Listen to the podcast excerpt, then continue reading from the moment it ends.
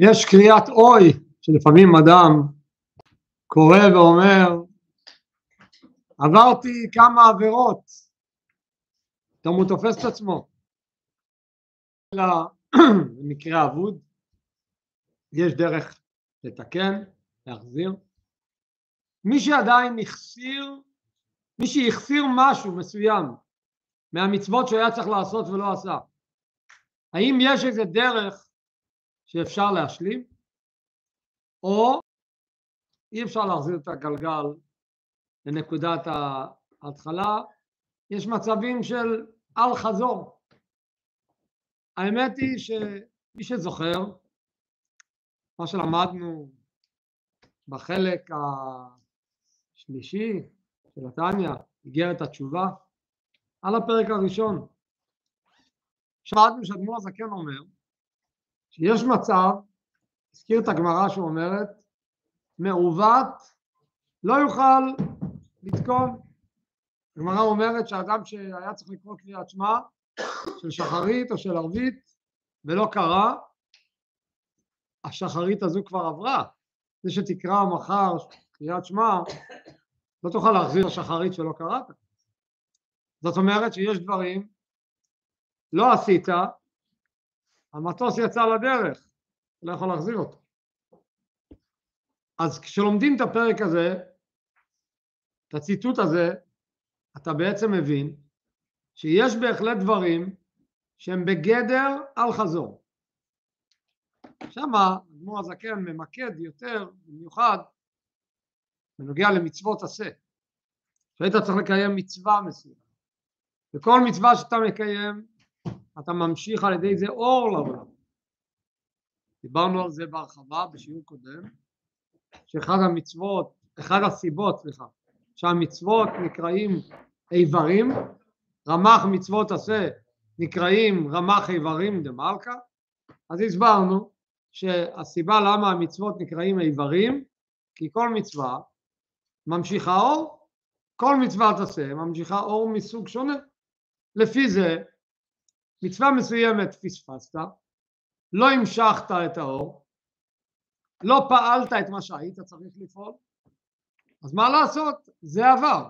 תשתדל מכאן ולהבא לעשות מה שצריך. אבל מה שעשית, לכאורה, אתה הפסדת.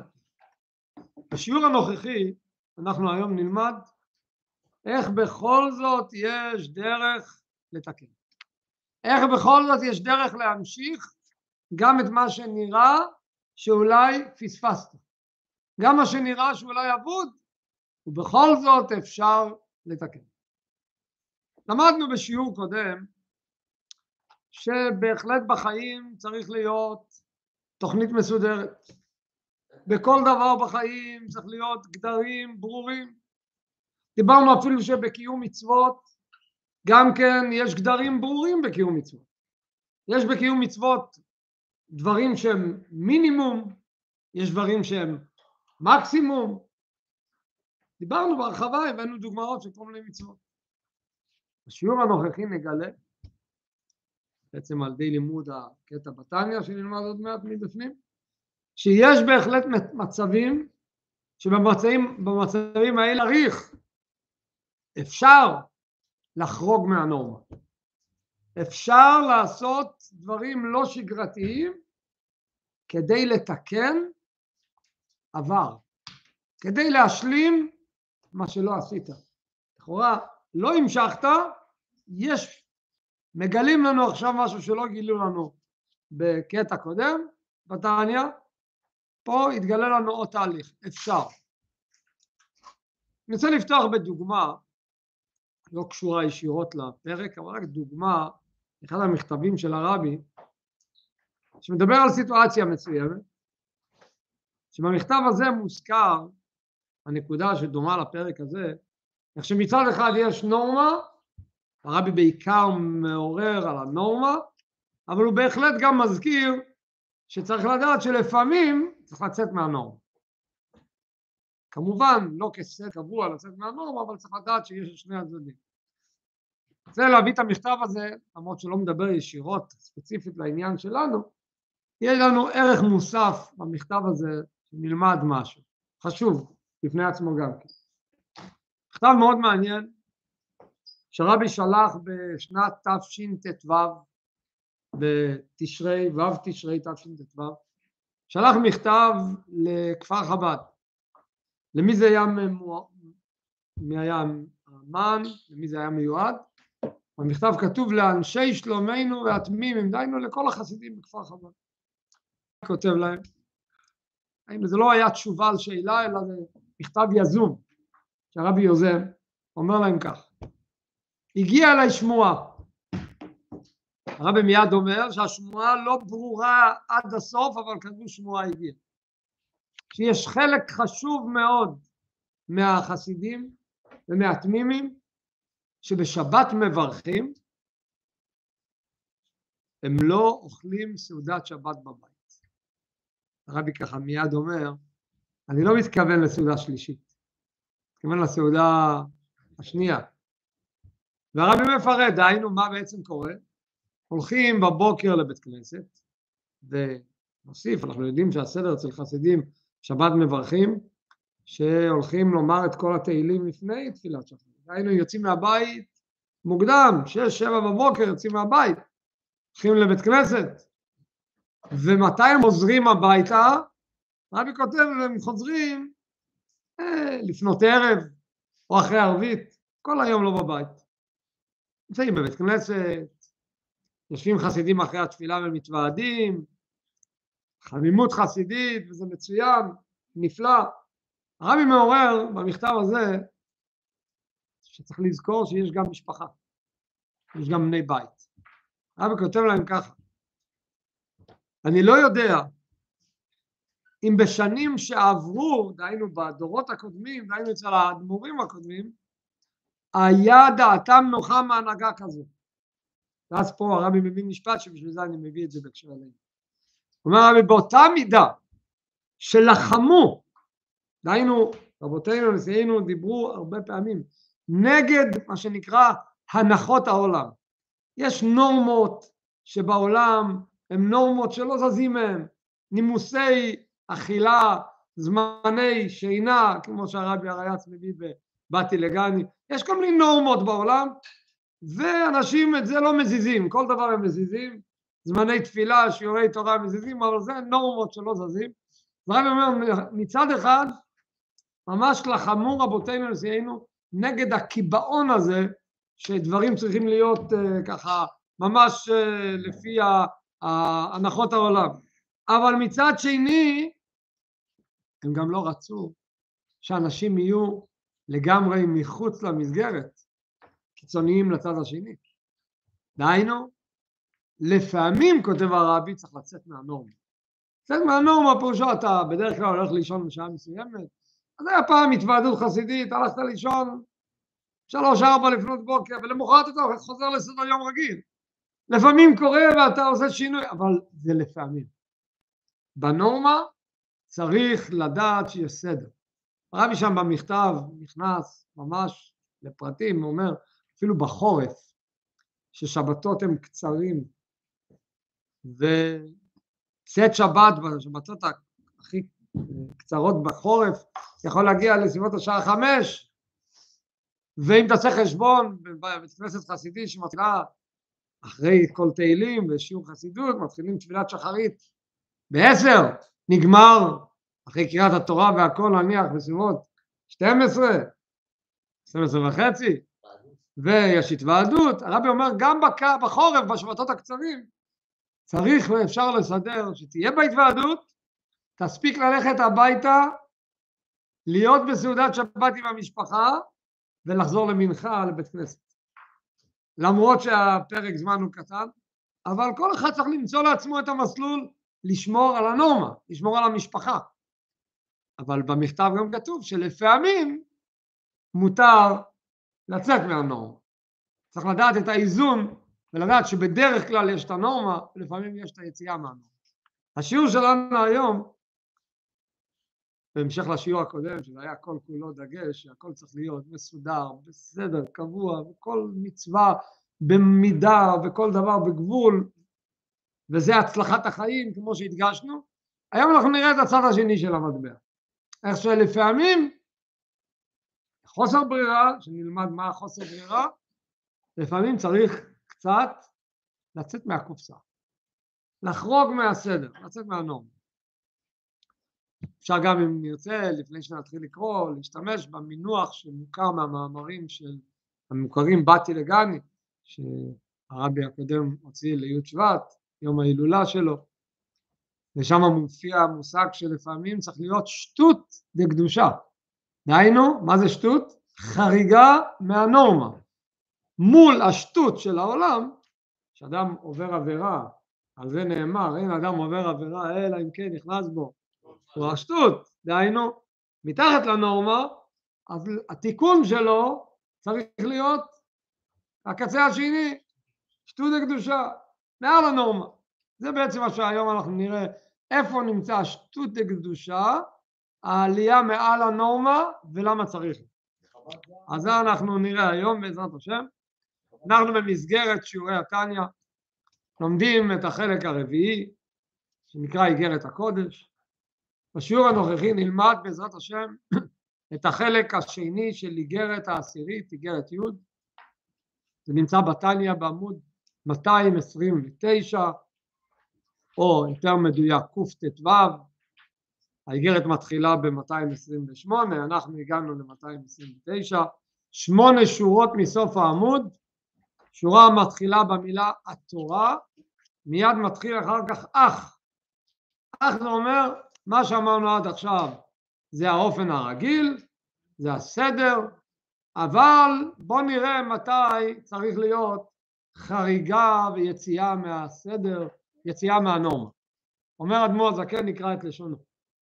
אה, היינו דווקא מה שאמרנו עד עכשיו, שכל דבר צריך להיות מסודר וקבוע במינון שהתורה נותנת לך, ואל תשתולל ואל תחרוג ואל תהיה מעבר, תעשה מה שצריך, זה לשומר התורה. אתה מלכתחילה הלכת בדרך הנכונה, שמרת על ההוראות, אז הקדוש ברוך הוא נותן לך יד ביד ואומר לך מה לעשות. ולא סר ממנה ימין ושמאל, אפילו כמלוא נימה. לא זזת לא ימינה ולא שמאלה, אפילו לא נימה זה שערה. אפילו גם לא נעימה. זאת אומרת, היית מאה אחוז, פרפקט. בשבילך נאמר, בשבילך ניתנה הדרך הזו, תקיים את הדברים לפי הספר, בדיוק.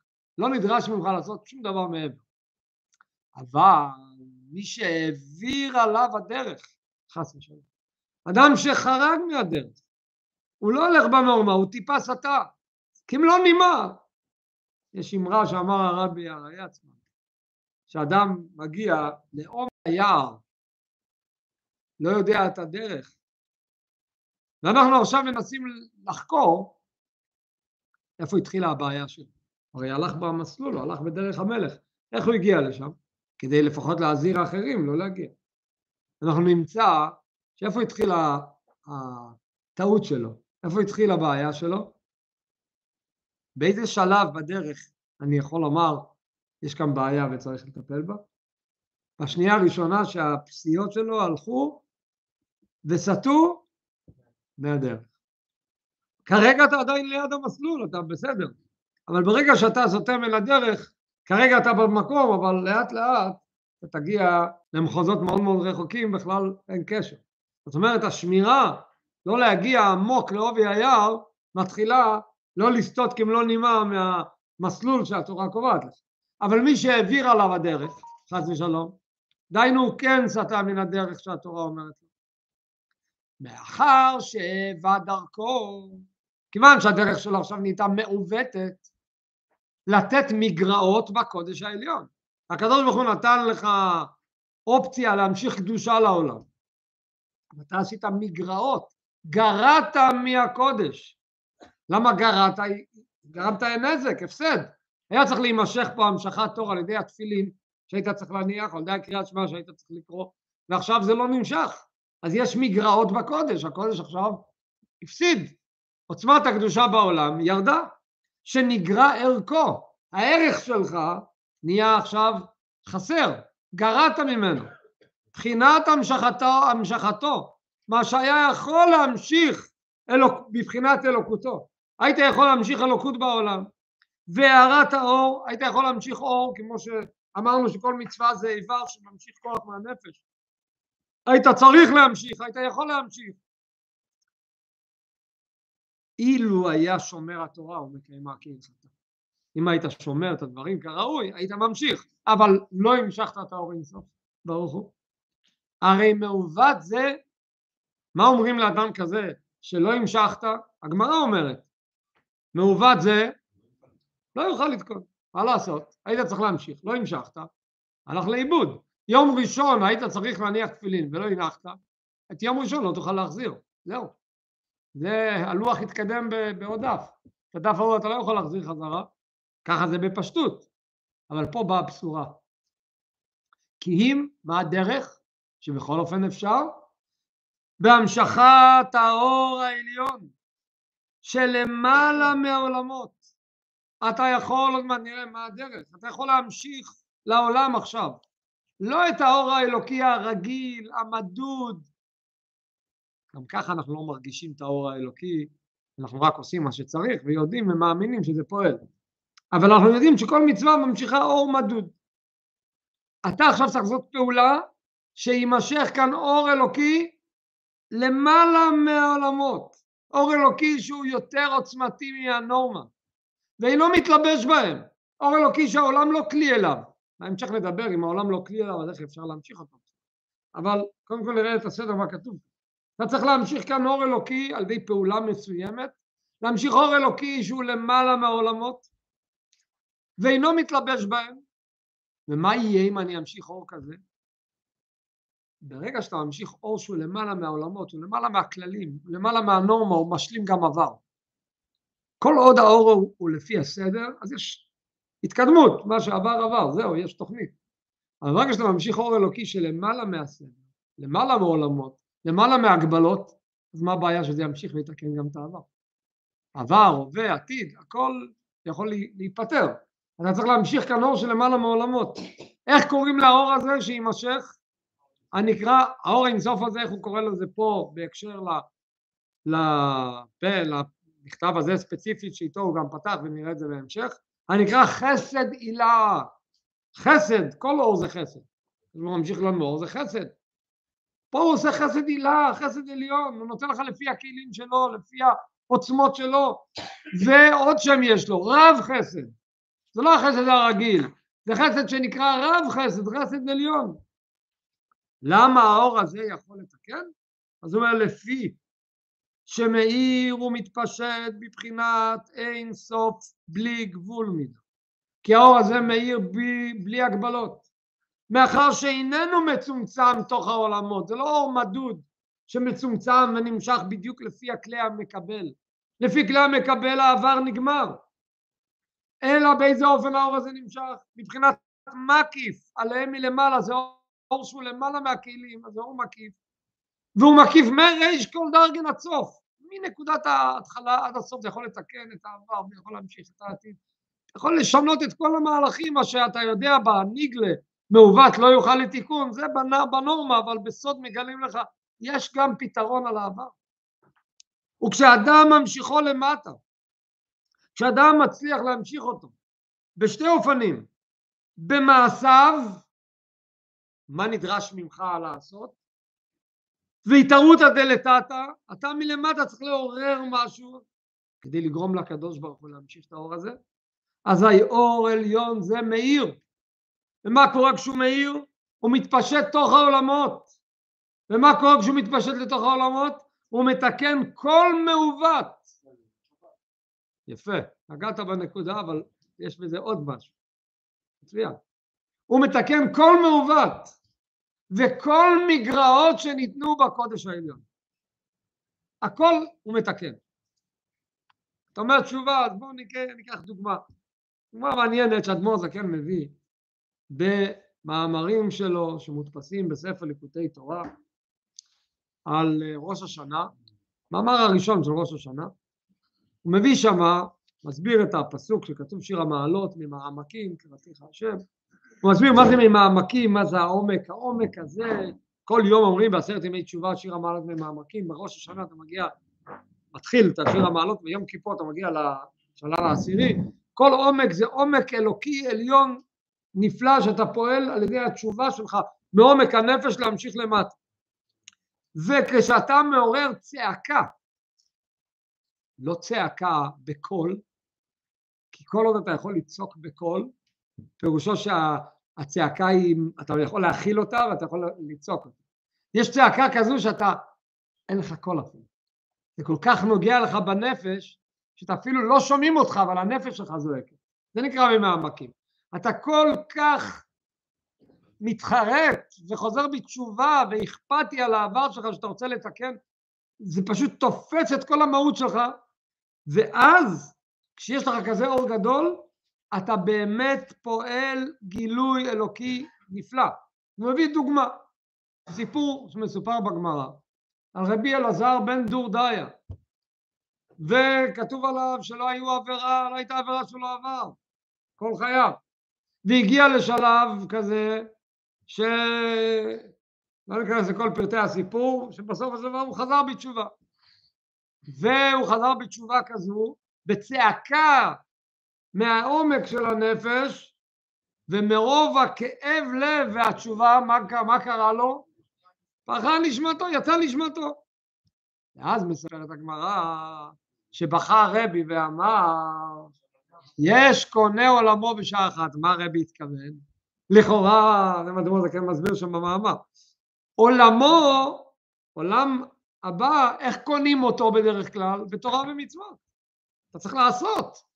אתה עושה, אתה ממשיך. רבי אלעזר בן דורדיה לא עשה. הוא לא עשה, כל ימיו הוא לא עשה. ופתאום פה, בשנייה אחת, קנה הכל. איך?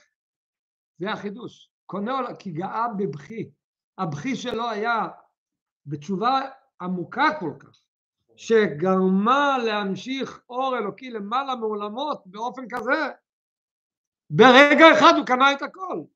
מה שאדם רגיל צריך לעשות במשך 70, 80, 120 שנה, אז ברגע אחד נמשך אור אלוקי שלמעלה מהשתלשלות, והכל תוקן ברגע אחד. זה, זה הבשורה שיש מצב כזה שאתה יכול לתקן את העבר. והוא ממשיך בתניא ואומר, הוא מחדש אורן וטובן. האור הזה שנמשך עכשיו מחדש את האור, את הטוב של העולם ביתר שאת ויתר עוז, זה נמשך בעוצמה הרבה יותר חזקה אפילו מהנורמה. זה המושג שנקרא במקום שבעלי תשובה עומדים, הצדיקים גמורים אינם עומדים כי הצדיק גם הוא ממשיך אור ישר, והבעל תשובה נקרא הוא ממשיך אור חוזר, ממשיך אור הרבה יותר עמוק מבחינת אור חדש ממש. זה מה שהוא מביא מיד, לכן אמרו במקום שבעלי תשובה עומדים, כי מה מעלה בעלי תשובה? מה זה התשובה? התשובה זה משהו למעלה מהנורמה, יש ביטוי מעניין שהגמרא במסכת, בתלמוד הירושלמי במסכת מכות אומרת שיש שם דיון מאוד uh, מופשט כזה, אבל ככה הגמרא אומרת. היה דיון מה עושים עם החוטא, איך הוא מתקן. אז שאלו כמה, אז הגמרא אומרת ככה, דבר ראשון שאלו לה חוכמה, שאלו את מידת החוכמה, מה את אומרת? הנפש החוטאת, במה תתכפר? מה אמרה החוכמה? הנפש החוטאת היא תמות. אחרי כן שאלו את הנבואה, שאלו לתורה, כל אחד נתן, זה אמר תמות ואיסורים. בסוף כתוב, שאלו לקדוש ברוך הוא. מה אמר הקדוש ברוך הוא? יעשה תשובה ויתכפר. מה הכוונה? זאת אומרת, מצד התורה, מצד החוכמה, מצד הנבואה, אין פתרון. יש דרך. קלקלת, אין דרך. לא המשכת, נגמר. אבל הקדוש ברוך הוא, זה אומר אור אפילו שלמעלה מהסדר, למעלה מהנורמה, אמר הקדוש ברוך הוא, אין בעיה. אני יכול לתת לו פתרון שהוא יכול להמשיך אור כזה והוא כן יתקן את הכל. לכן הקדוש ברוך הוא אומר, יעשה תשובה ויתכפר לו. מה זה המעלה הזו הגדולה של בעלי תשובה? אז הוא אומר כי מעלת בעלי תשובה היא כזו שנראה עוד מעט שלא מספיק התשובה בלב, צעקה, צריך לעשות משהו, ונראה עוד מעט מה צריך לעשות. אמר רבי אלעזר בן דודיה בכה ויצא נשמתו, אז אצלו באופן חריג התשובה לבד פעלה את העניין, אבל באופן רגיל, ובדרך כלל, ברוך השם, אף אחד לא רוצה שיהיה מצב שפרחה נשמתו, אלא שיהיה לנו אריכות ימים ושנים טובות. התשובה מעוררת, אבל צריך לעשות משהו מזה. אם לא תעשה, עוד מעט תביא את הדוגמה, אם לא תעשה זה יישאר באמת אה, כמו אותו אחד שהרבי בירך אותו שאתה הולך לזכות בלוטו הקרוב בפרס הראשון, עובר הגרלה הראשונה, הוא לא זכה. חזר לרבי ואמר לו, הרבי, אמרת לי הבטחה שאני זוכה, מה קרה? הרבי שאל אותו רק שאלה אחת, קנית כרטיס? הוא אומר, לא, לא קניתי כרטיס. לא קנית כרטיס, אז הברכה לא יהיה לה על מה לשרות. גם פה, יש לך ברכה, יש לך כוח, יש לך המשכה עליונה. אתה רוצה שזה יהיה, עוד מעט נראה איך קונים את הכרטיס, כדי לקבל את ההמשכה הגדולה הזאת. זה מה שהוא אומר עכשיו הקטע הבא. והנה, עיקר התשובה הוא בלב. תשובה מתחילה קודם כל בלב, מתוך המעמקים שלך, תוך עומק הלב שלך אתה צריך לחזור בתשובה ולהתחרט ולזעוק ולבכות בלב, לא בקול אפילו של, של אוזניים, כמו שידוע לש... אה, כל מי שאומר אמן יש מרבה בכל כוחו, קוראים לו, מה רש"י אומר בכל כוחו? בכל כוח כוונתו, זאת אומרת יש את הצעקה שהיא לא צעקה בפה, צריך להיות בלב, בעומק שלך. אז הוא אומר, עיקר התשובה הוא בלב. ולמה הלב פועל? כי על ידי החרטה מעומקא דליבה. כשאתה מתחרט עם עומק הלב שלך, עומק הלב שלך מעורר וממשיך את העומק האלוקי, מעורר את המעמקים שלמעלה, מעורר עומק אור העליון הזה, את האור הזה של למעלה מהשתלשלות, מי מעורר אותו? העומק שלך. אך כדי להמשיכו ב- להאיר בעולמות, כדי שהעולמות יקבלו את האור הזה, לא מספיק שעוררת, אוקיי, עוררת, אבל צריך שזה יימשך פה. אם אתה, ירד גשם על ה... לא על האספלט, על, ה, על האדמה, ירד הרבה גשם, וחרשת, והשקית, אבל אם לא הכנסת גרעין, לא יצא כלום. עשית את כל הפעולות, המשכת, לא יצא כלום אם לא הכנסת גרעין. גם פה אותו דבר. תשובה מעורר, אבל אתה רוצה שזה יימשך בעולמות, שזה לא יהיה למעלה, בעליונים. בעליונים יש אור אלוקי גבוה. אתה רוצה שאצלך, בחיים שלך, החיים שלך יוארו באור מחודש ויתקן את כל הפגמים ותהיה חדש, טרי, מהניילונים, ישר. תתחיל את החיים בחיוך. כדי לפעול את זה צריך התערבות, אך כדי להמשיכו צריך התערבותא דלתתא ממש מבחינת מעשה. צריך לעשות משהו. צריך שהמעשה שלך יוכיח שהלב שלך רציני. כי אם אתה רק מתעורר בלב ומגיע לעשייה, אתה לא מצליח לחבר את החרטה ואת הרגש הלבבי למעשה, אז יש, יש פה איזה עמלק שלא נותן לך להוריד את ההחלטות שלך לעולם. עמלק זה מלשון הוא מלק את ראשו. מה עושים לעוף בבית המקדש? הכהן מולק את ראשו, דהיינו הוא מפריד את הראש מהגוף. עמלק נכנס בדיוק בקטע הזה, להפריד, שלא יצא, לא י... ההחלטות שלך לא ירדו למטה, הוא נתקע בדרך, נתקע באמצע. צריך לראות איך מורידים את זה למעשה. איזה מעשה הוא מוריד את זה? איפה הבדיקה, בדיקת דופק ממשית, אם אתה רציני, מה הדבר שהכי נוגע לבן אדם במיוחד בדורנו? שנגעת לו שם, נגעת לו. כסף ואגו זה היינו הך, נגעת לו בכיס, הוא יוצא מהכיס. אומר לנו, כן, אוקיי, בוא ניגע לך בכיס. בוא נבדוק אם באמת אתה רציני ברצון שלך לתקן. דהיינו מעשה הצדקה. נדרש ממך לתת צדקה. כמה צדקה? כמה צריך לתת? צדקה וחסד בלי גבול ובמידה. מה זה בלי גבול ובמידה? בלי גבול, כמה? בלי גבול. עוד מעט נראה, נפרט יותר. קודם כל יסביר למה הצדקה קשורה לעניין, מה זה קשור? אתה רוצה ממני תשובה, אוקיי, מה, למה אתה מכניס ישר את הכסף? מה זה נוגע לצדקה? אז הוא אומר, תחשוב על תוכן המהות של צדקה, אתה תבין שזה בדיוק מה שאתה רוצה להמשיך, כי יש כלל שכל המשכה שאתה רוצה להמשיך מלמעלה, אתה חייב לעשות בדיוק דבר שדומה למה שאתה רוצה להמשיך. אתה רוצה שיצמח לך עץ תפוזים, אתה תכניס גרעין תפוזים. תכניס גרעין של משהו אחר, לא יימשך לך עץ תפוזים. אם אתה רוצה להמשיך עוד למעלה מהשתלשלות, אין בעיה. תעשה משהו שהוא ממש דומה. מהו הממש דומה? ניקח את המילה חסד. תחשוב מה טמון במילה חסד, עוד לפני רב חסד, חסד. תחשוב על המילה חסד. ממה המילה חסד מורכבת? תראה מה המילה חסד אומרת. הוא אומר ככה, זה כמו שהאדם משפיע רב חסד, פירוש, מה זה חסד? חסד זה שתי מילים, חס, חטא וסמך חס, והאות הבאה ד', ד' זה מלשון דל, דל זה אדם שהוא עני, דל, אביון, אין לו כלום, חס על הדל, כשאתה חס על הדל זה חסד, מה קורה כשאתה חס על הדל? אתה נותן לדל, אתה מרחם עליו ונותן לו צדקה. למה אתה נותן לו? כי הוא דל. מה זה דל? מדולדל. מה זה דל? אין לו כלום. הוא ריק, אין לו. דלית לי מגר מכלום, דל ואביון, אין לו כלום. אין לו כלום ואתה הולך לתת לו. ואתה נותן לו בלי חשבון, אתה נותן לו כי אתה רוצה לעזור לו. הקדוש ברוך הוא יעשה איתך בדיוק אותו דבר.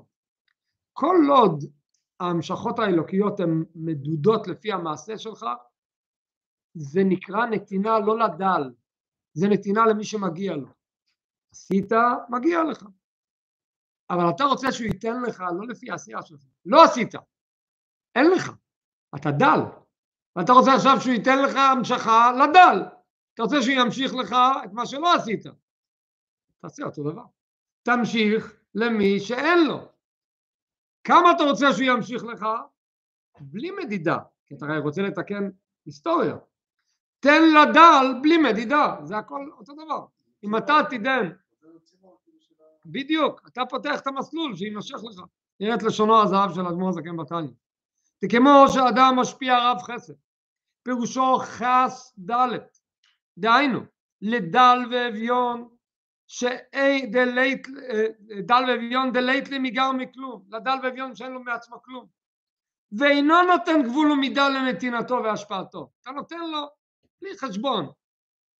יש את הסיפור שסיפרנו כבר פעם על שני החסידים שהיו, אה, אחד בא לשני כי הוא שמע שיש לו הנהגה מיוחדת בנתינת צדקה, הוא נותן, כל מי שנכנס אליו הוא נותן בלי חשבון, הוא מכניס, יש לו על ה... שולחן שתי שקים של מטבעות, מטבעות זהב, מטבעות כסף, בא האדם, הוא רק מסתכל עליו, שם את היד ונותן. שמע את זה אחד החברים, אמר אני רוצה ללמוד ממנו הנהגה בצדקה. הלך, עמד מהצד והסתכל. בסוף הוא אמר אני עושה אותו דבר. רק ההבדל בינינו, שאחרי שאני שם את היד אני לפחות מסתכל כמה יצא. אצלו אני רואה, הוא שם את היד ונותן, אפילו לא מסתכל כמה יצא, כי הוא באמת לא רוצה להכניס לעצמו, אה, בוא עכשיו נתתי לו כך וכך, לפחות בוא נהנה משהו מהוואו של עצמי שנתתי. תן לו, בלי להסתכל מה יצא, זה נקרא בלי חשבון בכלל. כך הקדוש ברוך הוא משפיע אורו וטובו בבחינת חסד הילה. אותו דבר יעשה הקדוש ברוך הוא ליהודי הזה. הוא ישפיע לו חסד עליון. הנקרא מה זה החסד עליון? רב חסד. המאיר מבחינת אין סוף, בלי גבול ומידה. לאן זה יימשך? תוך העולמות, עליונים ותחתונים. באותם מקומות שאתה פספסת ולא המשכת את האור שהיית צריך, עכשיו זה יושלם. רטרואקטיבית, הכל יושלם. זה פלאים, זה, זה מתנה עצומה שהקדוש ברוך הוא נותן לך. עשית משהו ופספסת, בוא תתקן את זה. שכולם, מי זה כולם? כל העולמות וכל הנבראים הם מבחינת דלת אצלו יתברך, כולם דלים. דלית לא מגרמי הון כלום, אין לאף אחד שום יכולת לבוא בטענה ובטרוניה, מגיע לי, לא, לא מגיע לאף אחד כלום. וכולה כמי כלא חשיב. אז אם כולה כמי כלא חשיב, אז ההמשכה תהיה לכל אחד. שאלנו קודם, לכאורה העולם לא יכול להכיל בדרך כלל בלי גבול. אנחנו מכירים מה זה, הזכרנו כבר בשיעור קודם, מה שקרה במתן תורה כשקיבלנו גילוי מעל הכלים שלנו, פרחה נשמתם, ופתאום פה אנחנו אומרים משהו מוזר, המשכה האלוקית, למעלה משתלשלות, למעלה מהעולמות, ואתה ממשיך uh, סדר הרגיל, איך זה מסתדר יחד? אם ניקח את אותו לשון חז"ל, שמדובר מה היה במתן תורה כשפרחה נשמתם, מה כתוב בהמשך? איך החזיר להם הקדוש ברוך הוא את הנשמות חזרה? טל תחייה שזה על ידי התורה. דהיינו בתורה יש שתי מסלולים מעניינים. בתורה יש מסלול אחד שזה מסלול של סדר, נורמה, כללים. בתורה יש, אותו תורה, יש כוח להכיל הפכים, בלי גבול בגבול. איפה הדוגמה לדבר המוחשית? זה היה בקודש הקודשים. קודש הקודשים היה את התורה בתוך ארון הברית, לוחות הברית עם ספר תורה, ומה ראו בקודש הקודשים בגלוי את המושג הזה? שהגמרא אומרת מקום הארון אינו מן המידה, תפס מקום וביחד עם זה לא תפס מקום. לא תפס, הוא, הוא תפס שטח והשטח לא נמדד, משהו, הפכים. גם בתוך הלוחות היה הפכים, מ' וס' בנס היו עומדים. כל התורה התגלה שמה שהוא מוגבל, עם כללים, אבל מה הוא מכיל? בלי גבול. זה כוח שיש בתורה, ולכן אתה יכול לקבל מהתורה את הכוח הזה, להישאר מוגבל, להישאר בעולם ולקבל מתנה שהעבר שלך וכל האכזרים, הכל משלים. פעולה עצומה ומתנה נפלאה. ולשני הפעולות הללו קוראים עוז. עוז מצד אחד, פתחנו את האיגרת שעוז מראה על גבורות, על גבול, ועוז זה מצד שני גם ביטוי של, של עוצמה מאוד חזקה, ולכן תסתכלו בתחילת האיגרת, הוא פותח שהתורה נקראת עוז, וכמו שכתוב, מפי הגבורה, הוא לא מסתפק במילה עוז. עוז לבד יש לו שתי משמעויות, גבורה זה גבורה, אבל עוז יכול להתפרש בסוף גם כמשהו שהוא נותן לך כוח לאחר. עכשיו הוא ממשיך הלאה ואומר ככה, יש לנו כאן לכאורה שאלה, מה השאלה? לפני, לפני השאלה, ועל ידי זה מה פועל להמשכת האור, נתקנו כל הפגמים שאדם, שפגם האדם בעוונותיו למעלה בעולמות עליונים ותחתונים. כל מה שפגמת, כל מה שלא השלמת, כל מה שהחסרת, הכל נקי, הכל מושלם, הכל מתוקן, משהו אדיר, מתנה נפלאה. וזהו שכתוב, זה מה שהפסוק אומר, עשור, כתוב במשלי, עשור צדקה ומשפט נבחר להשם מזבח. דהיינו לעשות צדקה יותר מובחר מקורבנות. למה? לפי שהקורבנות הם מבחינת שיעור. מידה וגבול בקורבן אתה לא יכול להחליט שאני מביא קורבן שונה מהכללים שהתורה קבעה. כשהתורה קבעה להביא כבש, אז זה כבש. וכשקבעה להביא עז, אז זה עז. אתה לא יכול להחליף. אתה לא יכול להביא משהו אחר. פער זה פער, כל דבר יש לו את המידה שלו. כמה נסכים, כמה שמן, כמה יין, כמה סולת, הכל קבוע. אבל מה שאין כן בצדקה, שיוכל לפזר בלי גבול. בצדקה אתה יכול לתת בלי, בלי הגבלה, לפזר, לתקן עוונות. אז זה בעצם המדידה שאתה רציני, אתה באמת חוזר בתשובה, בוא תהיה רציני עד הסוף. תן צדקה בלי חשבון. אבל פה ישנה שאלה גדולה. מה השאלה? הרי אנחנו יודעים והזכרנו את זה בשיעור קודם שבצדקה יש גם מקסימום, יש מינימום, יש מקסימום. המינימום זה חומש, והמקסימום, סליחה, המינימום זה מעשר, והמקסימום זה חומש. וכתוב במפורש, אחת מתקנות אושה הייתה שאל יבזבז יותר מחומש. ומה פה אנחנו אומרים? בלי גבול. איך זה מסתדר ביחד? שאלה גדולה. לפני שנראה מה האדמו"ר הזקן אומר, נדבר קצת על המושג הזה של בזבוז. נראה מה כתוב על זה במקומות נוספים, אחרי זה נקרא מה האדמו"ר הזקן אומר פה. שאלו פעם את הבעל שם טוב את השאלה הזאת. אמרו על הבעל שם טוב שהוא נותן צדקה, כתוב שהוא לא הלך לישון בלילה אם נשאר עדיין כסף בבית. כל יום היה צריך שהכל ילך לאן ש... שלא יישאר כלום. אמרו לו פעם, כתוב אל יבזבז יותר מחומש. אז הוא אמר דבר יפה. מה זה לבזבז? מה המילה לבזבז זה מלשון ביזה, ביזה, מה זה ביזה? שפיזה זה שלל. אם אדם מרגיש, כשאתה נותן צדקה, אתה מרגיש שבוזזים אותך, אם אתה מרגיש שבוזזים אותך, דהיינו, אתה צריך לכפות את עצמך לתת, אז באמת, אל תיתן יותר מחור. אבל אם אתה נותן בתענוג ובשמחה וכיף לך לתת, לא בוזזים אותי, זה הכיף שלי, אף אחד לא הגביל אותך. הגביל אותך רק כשאתה מרגיש שזה ביזה, ככה אמר זה. יש עוד וורט, עוד אמרה מעניינת. אמר פעם המשפיע רב מנדל פוטרפס, שדיבר פעם בהתוועדות על צדקה. אז קודם כל הוא אמר אמרה מעניינת, שבכל מצווה אנחנו מכירים את הלשון, אחד המרבה, אחד הממית, ובלבד שיכוון את ליבו. זאת אומרת, בצדקה אומרים אחד המכוון ואחד שאינו מכוון, בלבד שירבה. הוא גם פעם אמר על הנושא הזה של המבזבז, א' מבזבז יותר מחומש. רב מנדל היה גבאי צדקה שהיה מסתובב עוד ברוסיה, היה, היה אחראי על פעולות שדרשו הון, והיה גבאי צדקה ידוע. אז הוא אומר שהוא פעם שמע מחסיד, חסיד פולין, קראו לו רב מוישה, הוא נתן סכומי צדקה בצורה פרועה, לא השאיר לעצמו כמעט כלום. אז שאלו אותו פעם את השאלה הזאת, רב מוישה, רב מוישה, כתוב על לבזבז יותר מחומש. אז רב מוישה אומר, תשמע, מי שמרגיש שנתינת צדקה זה בזבוז, בזבוז ממון, אז אתה צודק, לבזבוזים לא לוקחים מדי הרבה, לבזבוזים, אז יש לך, אתה נותן לילד שלך כסף שיהיה לו לבזבוזים, אז מה, אתה נותן לו שם כמה לבזבוזים. אבל אם אדם מרגיש שזה הדבר הכי נכון שאני עושה עם הכסף, זה לא הבזבוזים, זה הדבר הנכון שאני עושה, אז הוא אומר, אני משתדל לא לקחת לעצמי יותר מחומש. אני לא מבזבז לעצמי יותר מחומש, אני עושה עם הכסף את הדבר הנכון. ככה אמר אותו חסיד. פה אנחנו נראה בתניא מה אדמו"ר זה כן מסביר את ההסבר שלו.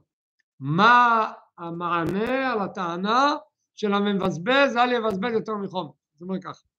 ומה שאמרו המבזבז אל יבזבז יותר מחומש. היינו דווקא במי שלא חטא. אדם שאף פעם לא חטא יש לך מינימום, יש לך מקסימום, זהו. או שתיקן חטאיו בסיגופים ותעניות כראוי לתקן כל הפגמים למעלה שזה כידוע באיגרת התשובה לא שייך לדורנו בכלל אבל באותם דורות שהיה שייך שהגמרא תיקנה את התקנה היא דיברה לכאלה באותו זמן שהיה שייך את המושג הזה, תיקנת בתענויות וסיגופים, אתה לא צריך לתת צדקה יותר, זה, זה בזבוז.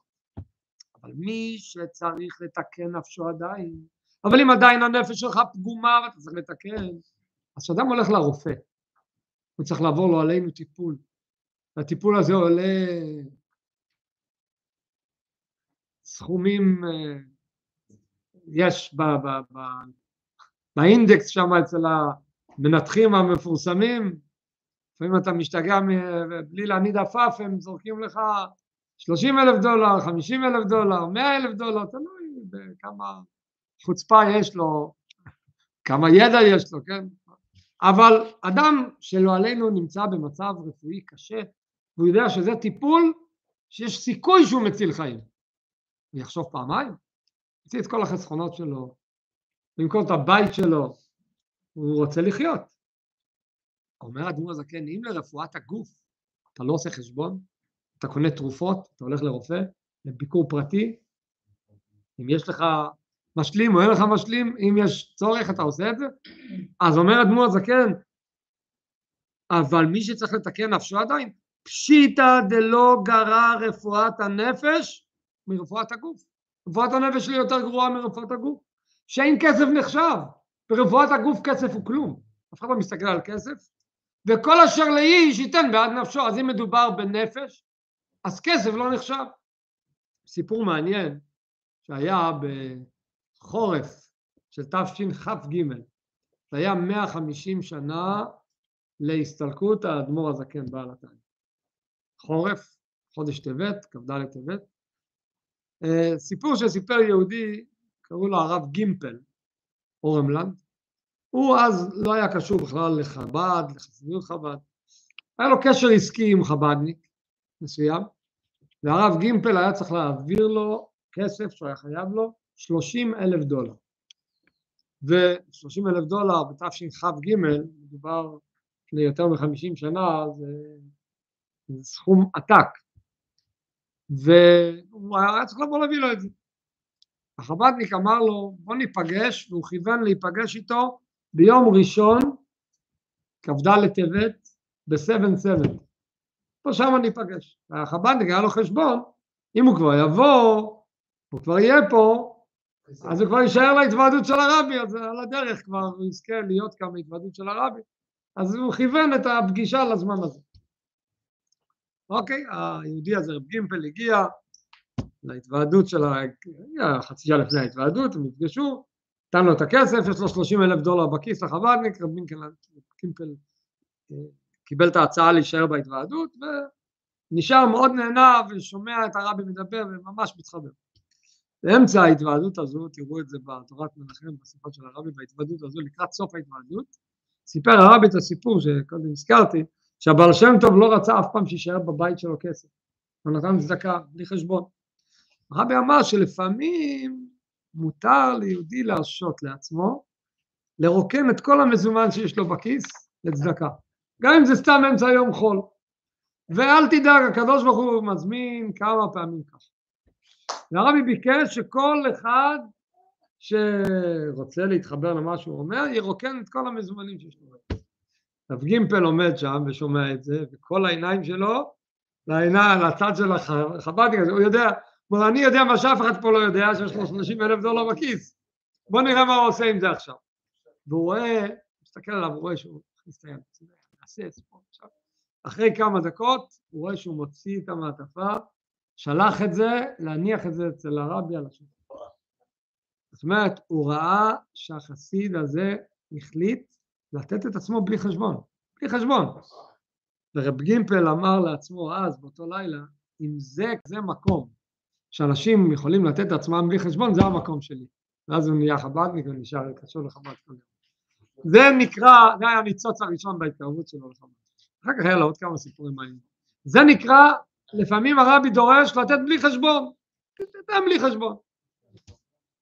עכשיו, בוא נסיים את האיגרת, אומר אדמו"ר זקן ככה. והנה, מידת חסד זו בלי גבול ומידה, מידה כזו, נתינה כזו בלי חשבון, נקראת על שמו של הקדוש ברוך הוא. זה נקרא חסדי השם. זה חסד שלא קיים בעולם, כי אנשים בעולם הם מוגבלים, אתה עושה לפי הנורמה. פתאום אני יוצא מהכלים, קיבלתי פה דרישת שלום מאין סוף. הקדוש ברוך הוא דיבר דרך הפה שלי, הוא נכנס ליד שלי, הקדוש ברוך הוא זה לא דבר שקיים, אדם לא מכיר את עצמו בכלל במצב כזה. כי דכתיב וחסד השם מעולם ועד עולם. כי הגם שכל ישראל הם רחמנים וגומלי חסדים, כל יהודי הוא גומל חסד. אבל אדם רגיל שהוא גומל חסד, אז ברם יש גבול ומידה לרחמי האדם, כמה אתה יכול לרחם. אבל הקדוש ברוך הוא נקרא אין סוף ברוך. ולמידותיו אין סוף. כי דכתיב כי לא חלו רחמיו, הרחמים שלו הם בלי גבול. אז הגבול של האדם לא יהיה לו חסד כזה לעולם. ואם יש לך חסד כזה, מאיפה קיבלת את זה? זה דרישת שלום מחסדי השם. עכשיו נחזור לשאלה שאיתו פתחנו את האיגרת בשיעור קודם. הפסוק אומר, באיכה כתוב, הנביא ירמיהו אומר, חסדי השם כי לא תמנו, ושאלנו למה לא כתוב חסדי השם כי לא תמו. אם אתה מדבר על חסדי השם, תגיד כי לא תמו, מה זה כי לא תמנו?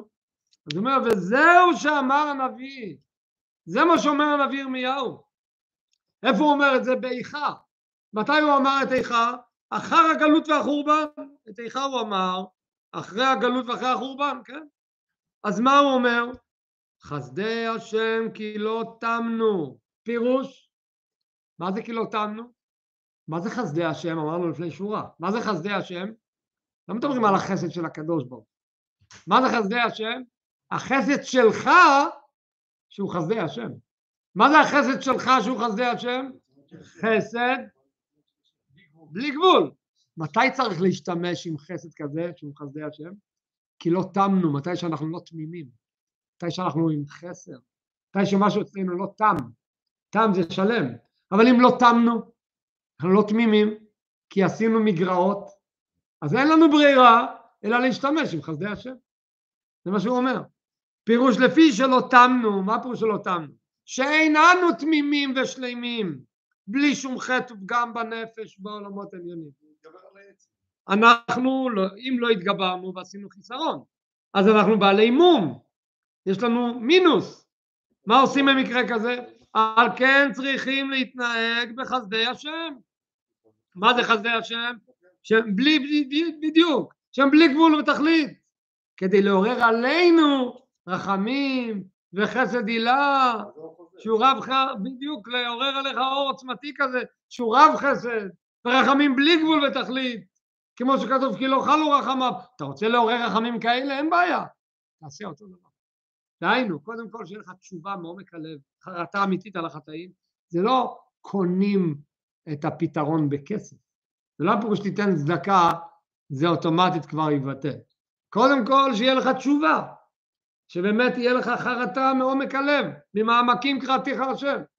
עכשיו אתה צריך גם להוריד את זה במשהו ממשי, כדי שמה שעוררת במעמקים שלך, יהיה לו פעולה כאן למטה. סיים ואומר במשפט האחרון, וזהו שאמרו חז"ל. זה מה שחז"ל אומרים, אין ישראל נגאלים אלא בצדקה. מה פירוש נגאלים? אתה רוצה להיגאל, לצאת מכל ההגבלות, לצאת מכל הבעיות, לצאת, לתקן את עצמך, להיות תמים ושלם, צדקה, זה הפתרון. שיעשו גם אם יהיו פטורים מדינה. גם אם על פי דין תהיה פטור. תן גם שתהיה פטור. תבוא לרב ויגיד לך אתה פטור. נכון, אני פטור. אבל uh, אני רוצה תיקון אמיתי. אז תעשה מעבר. מה זה המקרה של פטור? כתוב, מביא כאן את הציטוט בחלקו, חז"ל אומרים כי אין בן דוד בא כולי, אין בן דוד בא עד שתכלה פרוטה מן הכיס. דהיינו משיח בא כשתכלה פרוטה מן הכיס, דהיינו אתה תהיה במצב שאין לך, חס ושלום. אז אם אין לך כלום, אתה פטור מדינה. אז גם כשאתה פטור מדינה, אז תדע לך שאתה תקבל, אתה תיתן בלי חשבון, כן?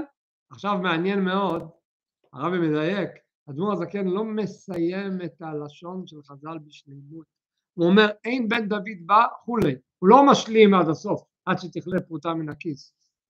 למה? כי אדמו"ר הזקן לא רוצה לסיים בדבר, אה, בדבר שלילי, אז הוא כותב כולי. הרבי מדייק דיוק על הדיוק. דהיינו, נחזור שתיים שלוש מילים לפני זה, מה הוא אומר? אם חז"ל אומרים אין בן דוד בא עד שתכלה פרוטה מן הכיס, זה אומר שזה מצב שחייב להיות, נכון? כך כתוב. אז למה אני אומר, זה כן אומר במשפט קודם, גם אם יהיו פטורים מדינה, לא אם, הרי אם זה בטוח יהיה, היה צריך כתוב גם כשיהיו פטורים מדינה, לא אם. זה הרבי מדייק שבגשמיות זה לא חייב להיות. יכול להיות במצב שבגשמיות יהיה לך בכיס הרבה כסף ותהיה עשיר ולא יחזור לך אף פעם שום דבר. אבל הכוונה היא ברוחניות. ברוחניות אתה תהיה דל, ברוחניות אתה תהיה עני ואביון, תהיה כעפר נפשי, תהיה. כשתהיה דל בכספי, כסף רוחני, כשתהיה דל ותהיה בטל, זה גם כלי להביא ולהמשיך את המצב הזה, ולכן אני אומר זה גם אם, זה לא דבר ודאי. על כל פנים נקודת הדברים שראינו בשיעור הזה, שהאדם צריך לדעת שאומנם בדרך כלל אנחנו דורשים ממך להיות לפי סדר ונורמה, אבל אל תדאג, יש לפעמים יציאה מהשגרה, וכשיוצאים מהשגרה צריך לשמוח, ולא להרגיש שבוזזים אותך, ולא תרגיש שאתה עושה משהו שלקחו לך, להפך, זה החיים שלך, זה הרפואה שלך, זה הטוב שלך, וכשעושים, כשהטוב הזה נמשך, אז ההשפעה האלוקית היא שפע בלי גבול ואין סוף, שזה בוודאי יתקן את כל העניינים הבלתי רצויים.